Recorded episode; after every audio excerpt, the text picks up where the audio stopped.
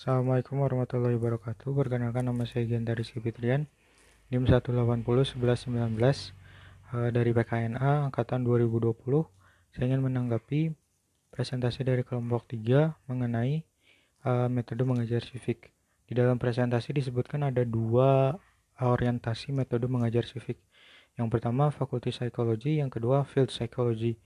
Uh, field psych, uh, Faculty of Psychology itu berfokus pada doktrinasi dan mengingat metode metode-metode mengajar yang mengutamakan pada proses mengingat dan nasihat-nasihat dari pengajar. Kemudian Faculty of Psychology, eh Field Psychology itu mengutamakan metode demokratis di mana uh, partisipasi peserta didik amat diperlukan. Nah, menurut saya pribadi, uh, metode mengajar civic yang terbaik itu adalah field psychology. Kenapa?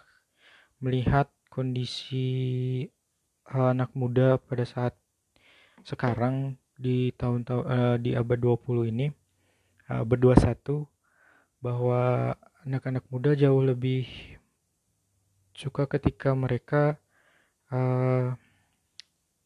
berpartisipasi langsung dan menurut saya uh, akan jauh lebih menerap kepada ingatan, menerap kepada diri peserta didik masing-masing ketika mereka menemukan sendiri pemecahan-pemecahan masalah apabila mereka berpartisipasi dalam uh, pengajarannya gitu dalam pengajaran civic.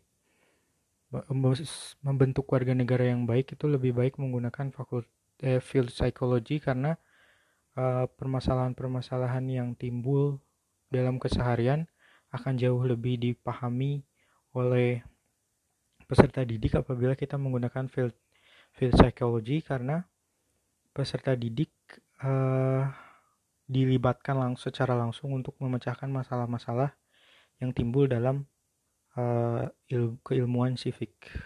Terima kasih. Wassalamualaikum warahmatullahi wabarakatuh.